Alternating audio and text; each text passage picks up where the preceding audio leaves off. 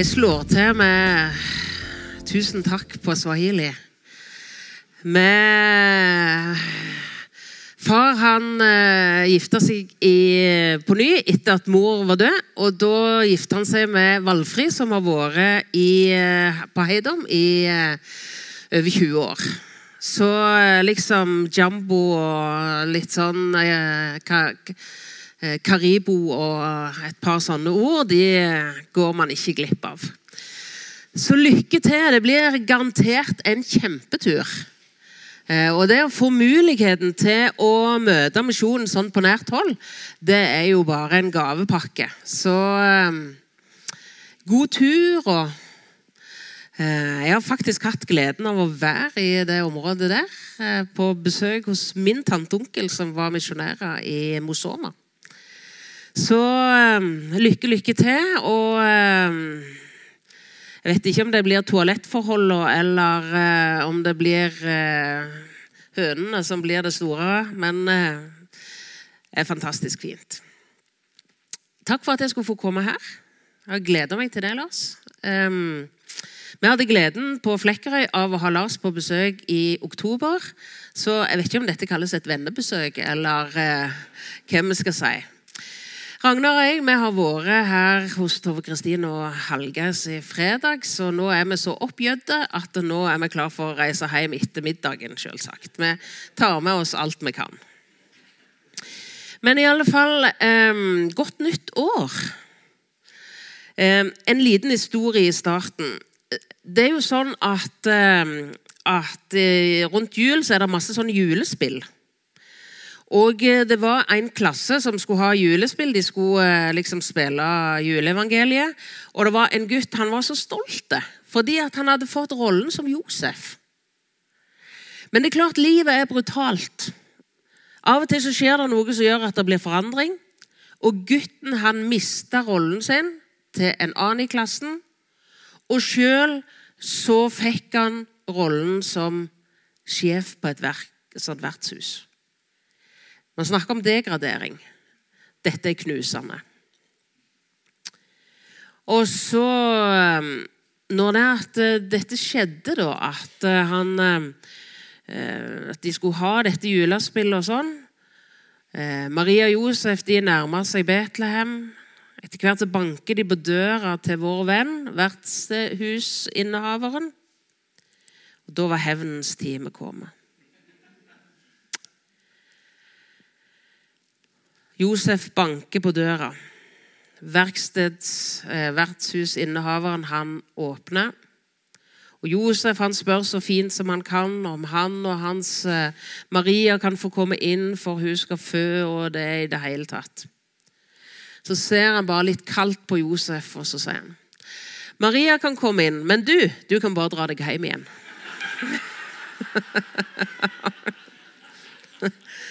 så sånn kan det være. Det var iallfall ærlig, og det er jo en god ting, da. Lydia. Jesus, vi ber om at eh, du nå er her når vi åpner ditt ord. Vi ber Jesus om at du møter oss, sånn at det ikke bare blir en ny informasjon, men at det skapes en fornya bevegelse i hjertet vårt Jesus, berør oss. Vær her med din ånd. Vi bekjenner vår fullstendige avhengighet av deg. Vi takker og ber Jesus for de som nå gikk til søndagsskolen. Og Jesus, det er en sånn glede å se dem. Jesus, takk for at ditt hjerte det banker enda sterkere for de små. Jesus, velsign de som er ledere, og jeg ber om at de kan få en erfaring av at de finner skatter i ditt ord, og at de blir glad i den største skatten. Amen. Lydia ifra Tyatira. Hvis du har med deg Bibel eller har en bibelapp på telefonen din, så kan du finne fram eh, apostelgjerningene kapittel 16. Der står det tre vers om Lydia midt i kapittelet, i vers 13 til 15. Og så står det et vers som nevner Lydia helt på slutten av kapittelet. Um, Lydia hun, hun var fra Tyatira. Der drev de med sånn eh, farging av stoff. En kunst som de sannsynligvis har lært av fønikerne, som eh, brukte muslinger eller på andre måter framstilte det stoffet som skulle til for å få den kostbare purpurfargen. Eh, hun var ei forretningsdame. Eh, en gryner, kan vi si. Uh, hun har innvandra, eller reist i alle fall, fra Tyatira, fra Tyrkia, over til Hellas. Bodde i Filippi, en romersk garnisonby. Masse romerske soldater. Der bodde hun og drev sin virksomhet. Man vet ikke hvorfor hun reiste.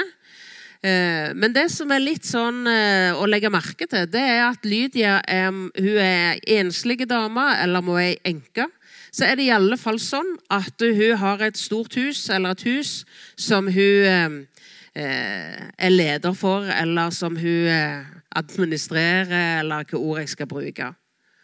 Eh, Ei velstående dame, selvstendig næringsdrivende.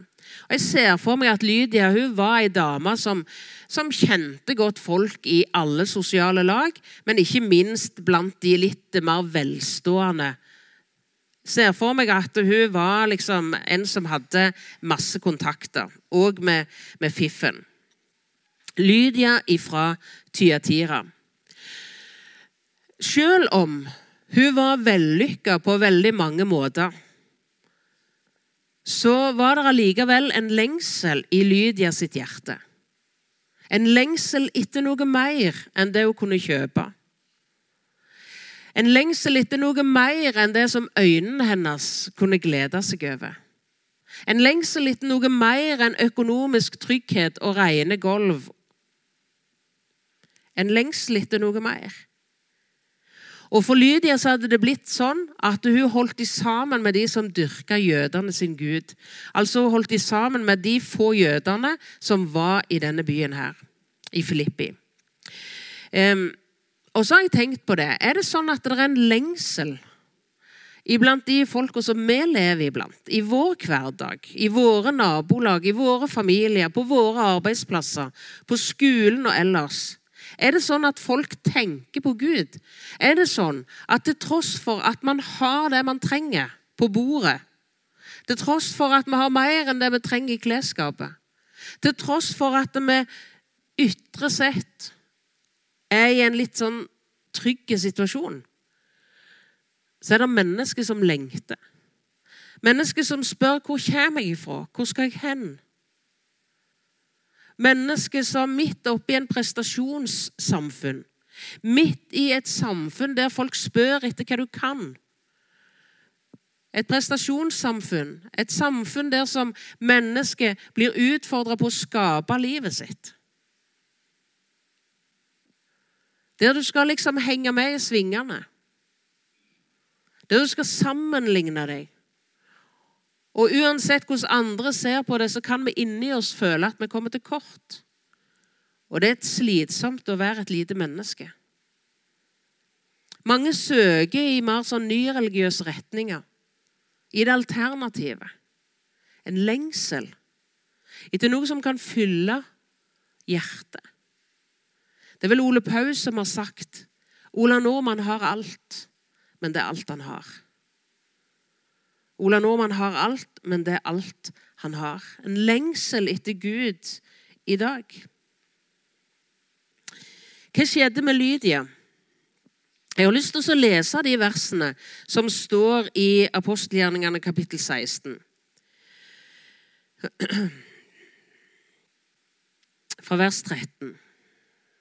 Dette er en sabbat, en vanlig lørdag, jødene sin hellige dag, som blir en egentlig ganske uvanlig dag, ikke minst for Lydia.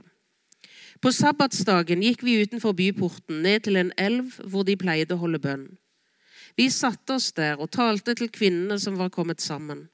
En av dem var en kvinne ved navn Lydia, en purpurkremmerske fra Tyatira, som dyrket Gud etter jødenes tro. Hun hørte på, og Herren åpnet hennes hjerte, så hun ga akt på det som ble talt av Paulus. Da hun og de som tilhørte hennes hus, ble døpt, ba hun oss ba hun oss og sa:" Så sant dere holder meg for å være en som tror på Herren, så kom hjem til meg og bor der. Og hun nøtte oss. Gikk altså en gjeng med damer, en gjeng med kvinner, hver sabbat ned til elva som rant en kilometer cirka utenfor byen, og der møttes de for å be. Og så kom altså en gjeng med mannfolk på besøk. Paulus, hans medarbeider Silas, hans unge lærling Timoteus og kanskje òg Lukas, som er forfatter av apostelgjerningene. Kanskje han òg var med. Og så kom de. Det var ikke noen synagoge i Filippi. Det var som regel synagoger der det var mer enn ti jødiske menn i en by. Men eh, det var ikke synagoge her av en eller annen grunn. Kanskje at det var så få jøder. Men i alle fall her skjer det et møtepunkt. Bakgrunnen det er at Paulus og hans medarbeidere de hadde egentlig tenkt seg østover for å dele evangeliet. Men Paulus han opplever at Den hellige ånd gir han ikke lov. Du skal ikke østover, Paulus. Kan du ha kjent på noe av det der? Altså, den hellige ånds ledelse i hverdagen er et spennende tema. Den hellige ånds ledelse i hverdagen.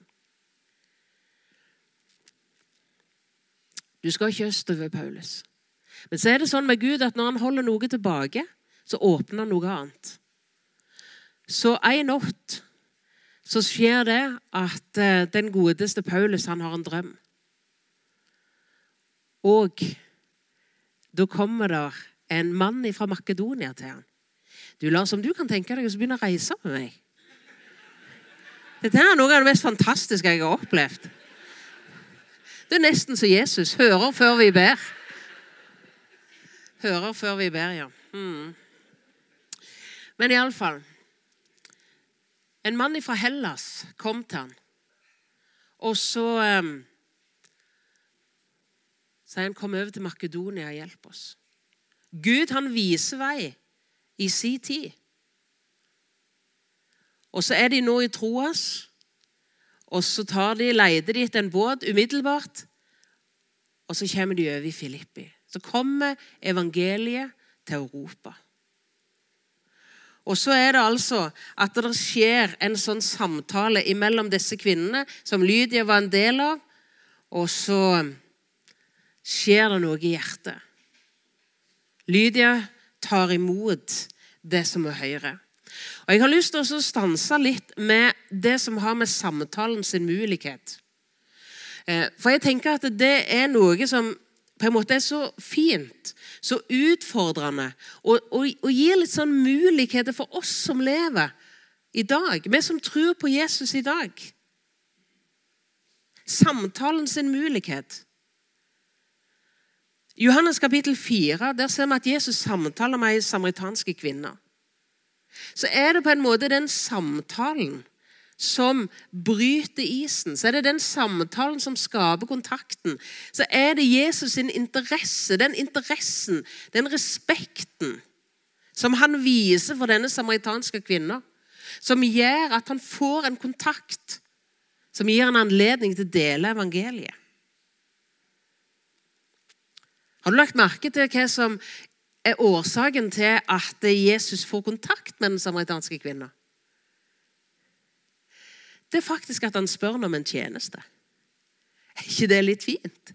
Jesus han sier oftest til mennesket 'Hva vil du jeg skal gjøre for deg?' Og det er jo deilig. Men tenk at Jesus her sier 'Kan du gjøre noe for meg?' Gi meg å drikke.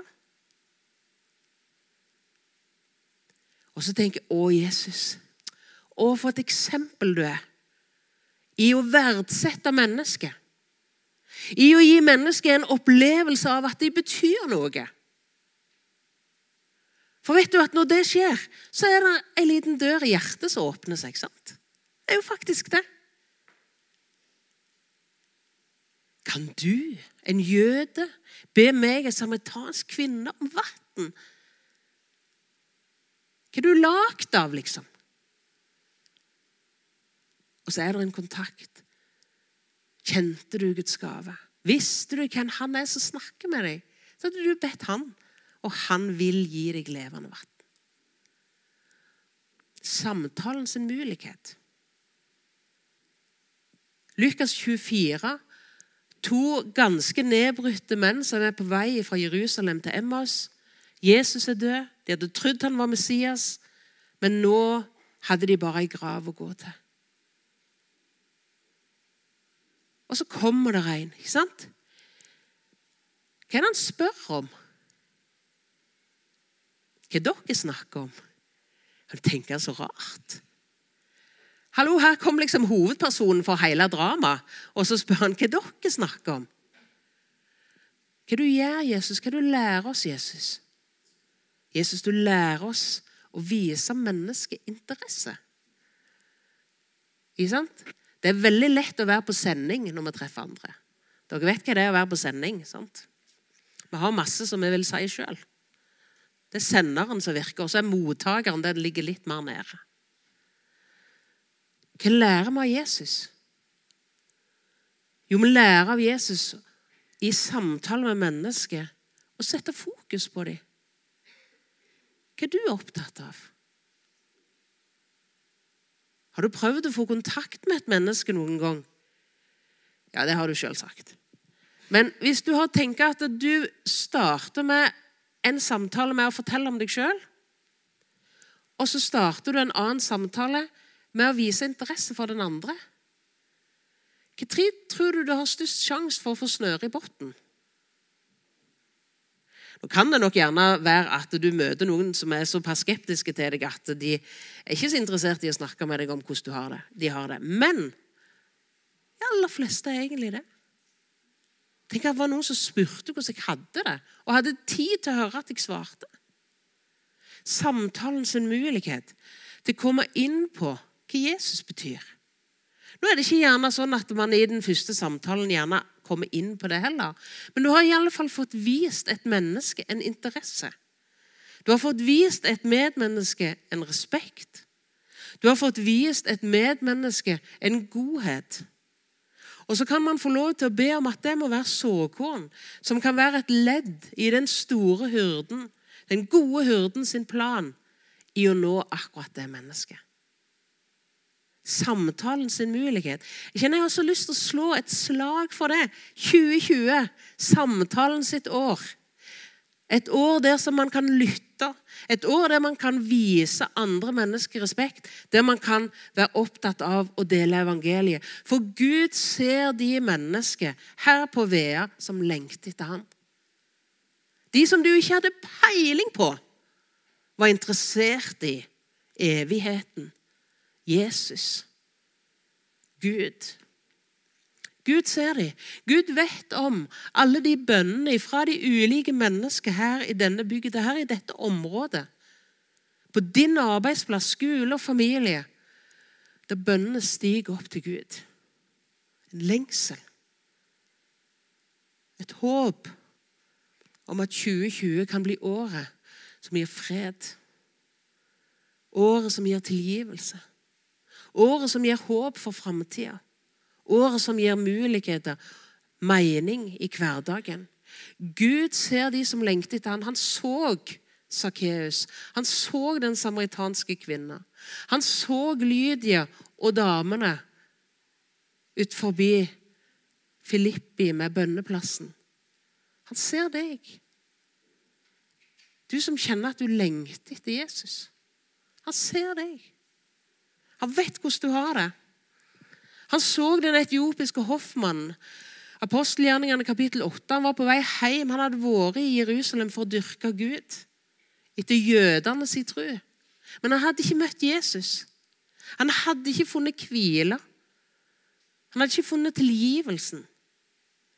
Så er han på vei hjem. Ikke sant? Han tror at sjansen er ferdig. Han tror det er over. Men nei da. Gud er i stand til å møte et menneske som er på vei hjem. Philip, Nå løfter jeg deg ut av vekkelsen her i Samaria. Skal du gå til veien som går langs Gaza. Den er øde. Og så ser den godeste Philip, som er lydige, lydhøre, ser han denne svære vogna gå bort. Og så hører han en mann som leser Jesaja 53. Forstår du det du leser? Hvordan i all verden kan jeg forstå når ingen forklarer meg? Et lam som ble slakta. En stedfortreder. Er det noe i veien for at jeg blir døpt? Gud ser. Gud hører. Og tenk hvis vi kunne være sånne Filipper. Og vi kunne være sånne som besøker Filippi. Noen som bruker samtalen som mulighet, går i de gjerninger som Gud har lagt ferdige. Og så er det jo Guds sak. sant? Det står ingenting om at Paulus holdt en god tale. sant? Det står faktisk ikke det. Heldigvis var Paulus i stand til å Med sin gode argumentasjon så var han i stand til å vitne på en sånn måte at Lydia skjønte at det var Jesus det handla om, og frelsen var knytta til Jesus. Det står ikke det. Det står at Herren åpna hennes hjerte. Ikke fantastisk befriende? Hæ? Gud har bedt deg om vitnesbyrdet ditt, men det liv som Den hellige ånd blåser inn i et hjerte, som ser at det Jesus gjorde, det var for meg. Det er det Den hellige ånd som gjør. Det er Den hellige ånds gjerning. Vi synger en gammel bedehussang. Må Herrens ånd Den hellige ånd dra dekket bort. sant? Så du får deg et kunstverk som har en, eh, et dekke foran seg. Må Herrens ånd dra dekket bort. Sant? Så syndere kan se at det som er ved Sønnen gjort, gjør sjelen hvit som snø. Et gammelt språk. Det er sånn det funker. Den hellige ånd gjør en gjerning i hjertet, blåser på vitnesbyrdet, på Guds ord. Og så kan det være så klønete som det bare vil. Det er Gud som skaper liv og nytt liv. Lydia hun lytta til vitnesbyrdet, og Herren åpna hennes hjerte. ikke det fint? Og vet du, nå har jeg en fantasi. Det hender at jeg har det. Det kan være litt slitsomt for de rundt meg. Men iallfall um, Har du et yndlingsvers i Bibelen? Vet du at Jeg tror at Lydia hadde det, eller at jeg tror hun fikk det. Purpurkremmersken. Hun som hadde handla med purpurfarge og farga tøy. Det står i Jesaja kapittel 1 og vers 18. Kom, la oss gjøre opp vår sak, sier Herren. Om syndene deres er som purpur, skal de bli hvite som snø. Vet du hva jeg ser for meg? Jeg ser for meg at dette var det noe lyd de hadde greie på. Ser for meg at du hadde vært ikke sant, på sånne handelsturer og forskjellig sånn. Da hadde du vært innom der som de holdt på å produsere sånn purpurfarge. Og så ser hun ned på seg, sant? og så sier 'Å nei, nå har jeg fått en ny flekk'. sant? Dette har vi greia på, iallfall vi damene. Vi har fått en ny flekk. Og så ser jeg for meg hvordan hun hadde Vanish eller Zalo eller hva i all verden som hadde. Så prøvde å gnikke det vekk. Men så var det sånn med purpurfargen at det er ikke bare en farge som legger seg på en måte oppå stoffet, men den trenger helt igjennom stoffet. Og hun visste det jo etter hvert. sant? Det nytta ikke å gni på det. Fordi at det hadde liksom gjennomtrunget hele stoffet. Og så ser jeg for meg når det er at Lydia for første gang hører akkurat det der ordet om syndene dine som purpur. Om det er svart, om fallene dine er stygge, om du er kjempeglad for at de fleste ikke kjenner til det verste. Kanskje ingen kjenner til det. Du kjenner på skammen og nederlaget. sant? Om syndene dine er som purpur, skal de bli hvite som snø. Hvite som snø.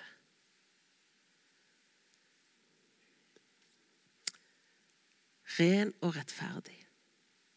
Himmelen verdig er jeg verdens frelser alt nu.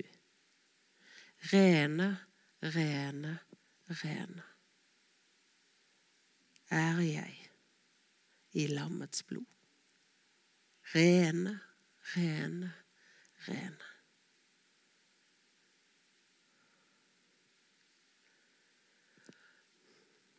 Hva er det å være kristen?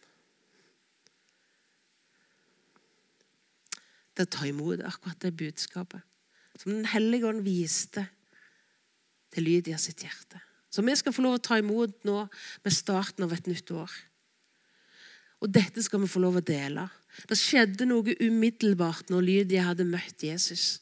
Når hun hadde blitt fri fra syndene sine. Når alt hadde blitt nytt. Kom hjem, bo hos meg. Gjestfriheten. Og jeg syns det bildet er litt koselig. Det er egentlig derfor jeg har det med. Elsk hverandre inderlig som søsken.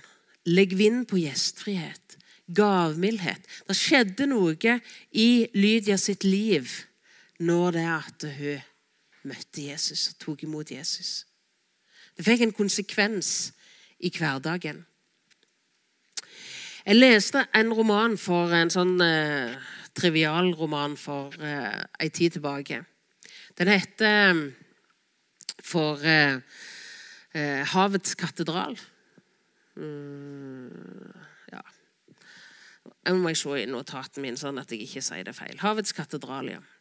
Den er skrevet fra Barcelona i, på 1300-tallet.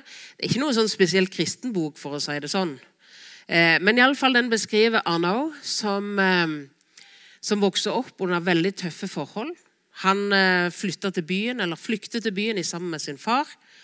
Og det er ei yrkesgruppe som den godeste Arnau bare elsker, og som han beundrer. Det er noe som kalles for Bastix. Bastix sin oppgave det var å laste og losse båter. Og det var ikke mye kraner, for å si det sånn. På ryggen så bar de de tunge sekkene, de tunge børene. Om bord på båt, av båt. Utenfor byen så var det et steinbrudd. En del bar også steiner fra dette steinbruddet og inn i byen i forskjellige sammenhenger. Men det som var spesielt, som det står mye om i denne boka, det er at det skulle bygges en katedral på denne tida. her. Og Arnau han var spesielt opptatt av denne katedralen. og Han kunne ikke tenke seg noe større i livet enn å få være med og bære steiner fra steinbruddet og inn til katedralen. Og Etter hvert så var han så stor at han fikk lov til å være med på det. Og Det er en nydelig beskrivelse av den glede som han kjente den dagen han for første gang bøyde ryggen sin og det var noen som la ei steinblokk på den, som han vaklende bar inn i byen, for at den skulle være ei av blokkene som skulle brukes i den nye katedralen. Så står det en passasje. Arnaud han er i den katedralen som er under bygging. Men så slumser han seg litt av gårde. Han snofler et eller annet, snubler eller hva det heter. Og så ødelegger han noe. Og Han kjenner liksom bare hvor fortvila han blir, for han ser at det er noe som er ødelagt. Og Så kjenner han ei hånd på, på skulderen eller i nakken, og så tenker han nå får jeg, altså. Når han snur seg litt forsiktig og ser hvem det er som holder han, så er det altså selve hovedsjefen, arkitekten, mesteren, lederen for hele byggeprosjektet. Og Han kjenner bare hvordan alt det går kaldt ned gjennom ryggen på han. Men når denne mesteren ser ansiktsuttrykket hos gutten, når han ser hva gutten har for seg, så plutselig så roper han rundt til alle de som er og ser det som har skjedd, og venter på en straffereaksjon. Så roper han så sier han, dette folkens, dette er en Bastix.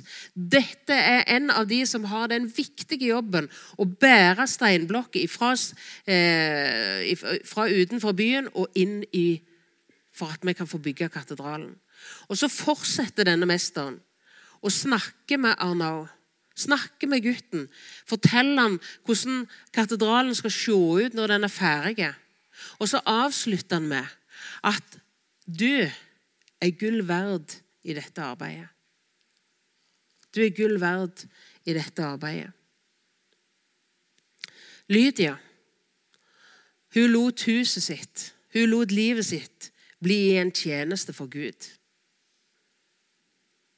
Du har fått noe i ditt liv. Du er gull verd. Ikke om du alltid føler det sånn, men tenk på det, da. Du er skapt av Gud. Du har fått livet fordi at Gud ville det. Du er elska av Gud i dag. Du er kjøpt dyrt. Syndene dine er deg tilgitt for Jesus skyld.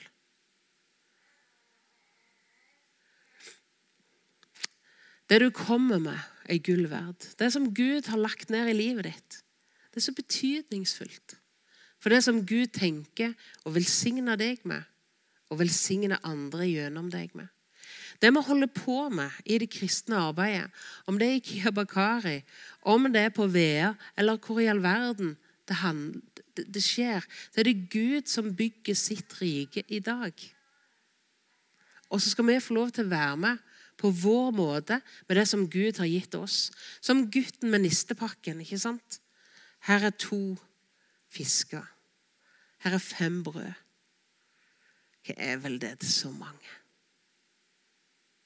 Hva er vel det til så mange?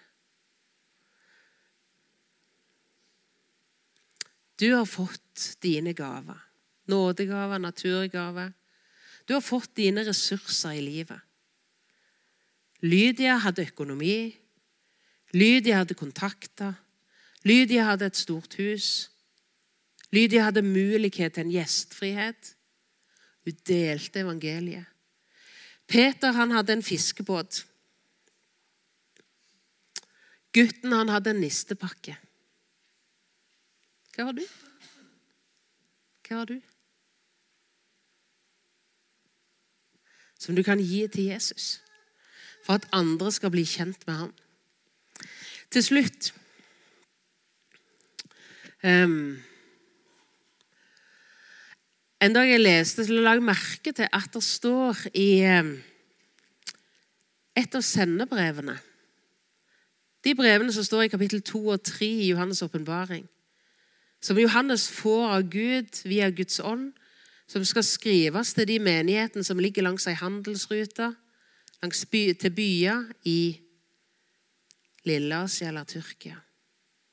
Så står det Skriv til engelen for menigheten i Tyatira. Vet du hva jeg lurer på? Jeg lurer på om Lydia hadde reist hjem for å dele evangeliet. Det kan godt være det var noen andre som delte evangeliet i Tyatira. Det står ikke noe om det. Men kanskje så kan det være at disse ringene i vannet En person som møter Jesus, så deler det med de en er under samme tak med. Som en deler det med de en er i samme by med. Men så stopper det ikke der. Ringene i vannet. Det går lenger ut i Norge, og så går det utenfor våre landegrenser. Og så berøres mennesket sine liv med vitnesbyrdet om Jesus, om evangeliet, om frelsen. Om syndene som purpur skal de bli hvite som snø. Jesus, jeg har også lyst til å be deg om at eh, det som vi nå har lytta til i forhold til historien om lyd. Egentlig det er en liten sånn sammenklemte historie i ditt ord. Men samtidig noen sånne, et bilde av ei som ble møtt av deg. Ei som lengta, ei som søkte på sin måte ut ifra sine forutsetninger. Men så så du henne, Jesus. Så møtte du henne. Så viste du Hellige Ånd henne Jesus gjennom det som ble sagt. Jesus, nå ber jeg deg om at du velsigner våre liv som er her. Jeg ber om at vi kan få lov til å bli brukt av deg i en helt vanlig hverdag. Sånn at helt vanlige dager blir noe mer. Fordi at du er der, Jesus. Du får lov å bruke oss. Du får lov til å bruke livet vårt, ordene våre, det vi gjør og det vi er opptatt av, blikkene våre, på en sånn måte at det er noen mennesker som opplever seg sett og møtt og elska av deg. Jesus, velsign gjengen her på Vea. Takk, Jesus, for den mulighet som du, som himmelen har, gjennom akkurat disse enkeltmenneskene her. Og så ber vi Jesus om å takke for at de ringer i vann som evangeliet får lov å gå i møte med mennesker som kommer i bevegelse. Det når langt ut over våre landegrenser. Og i dag så takker vi spesielt for sangen om deg i Kiabakari. Thank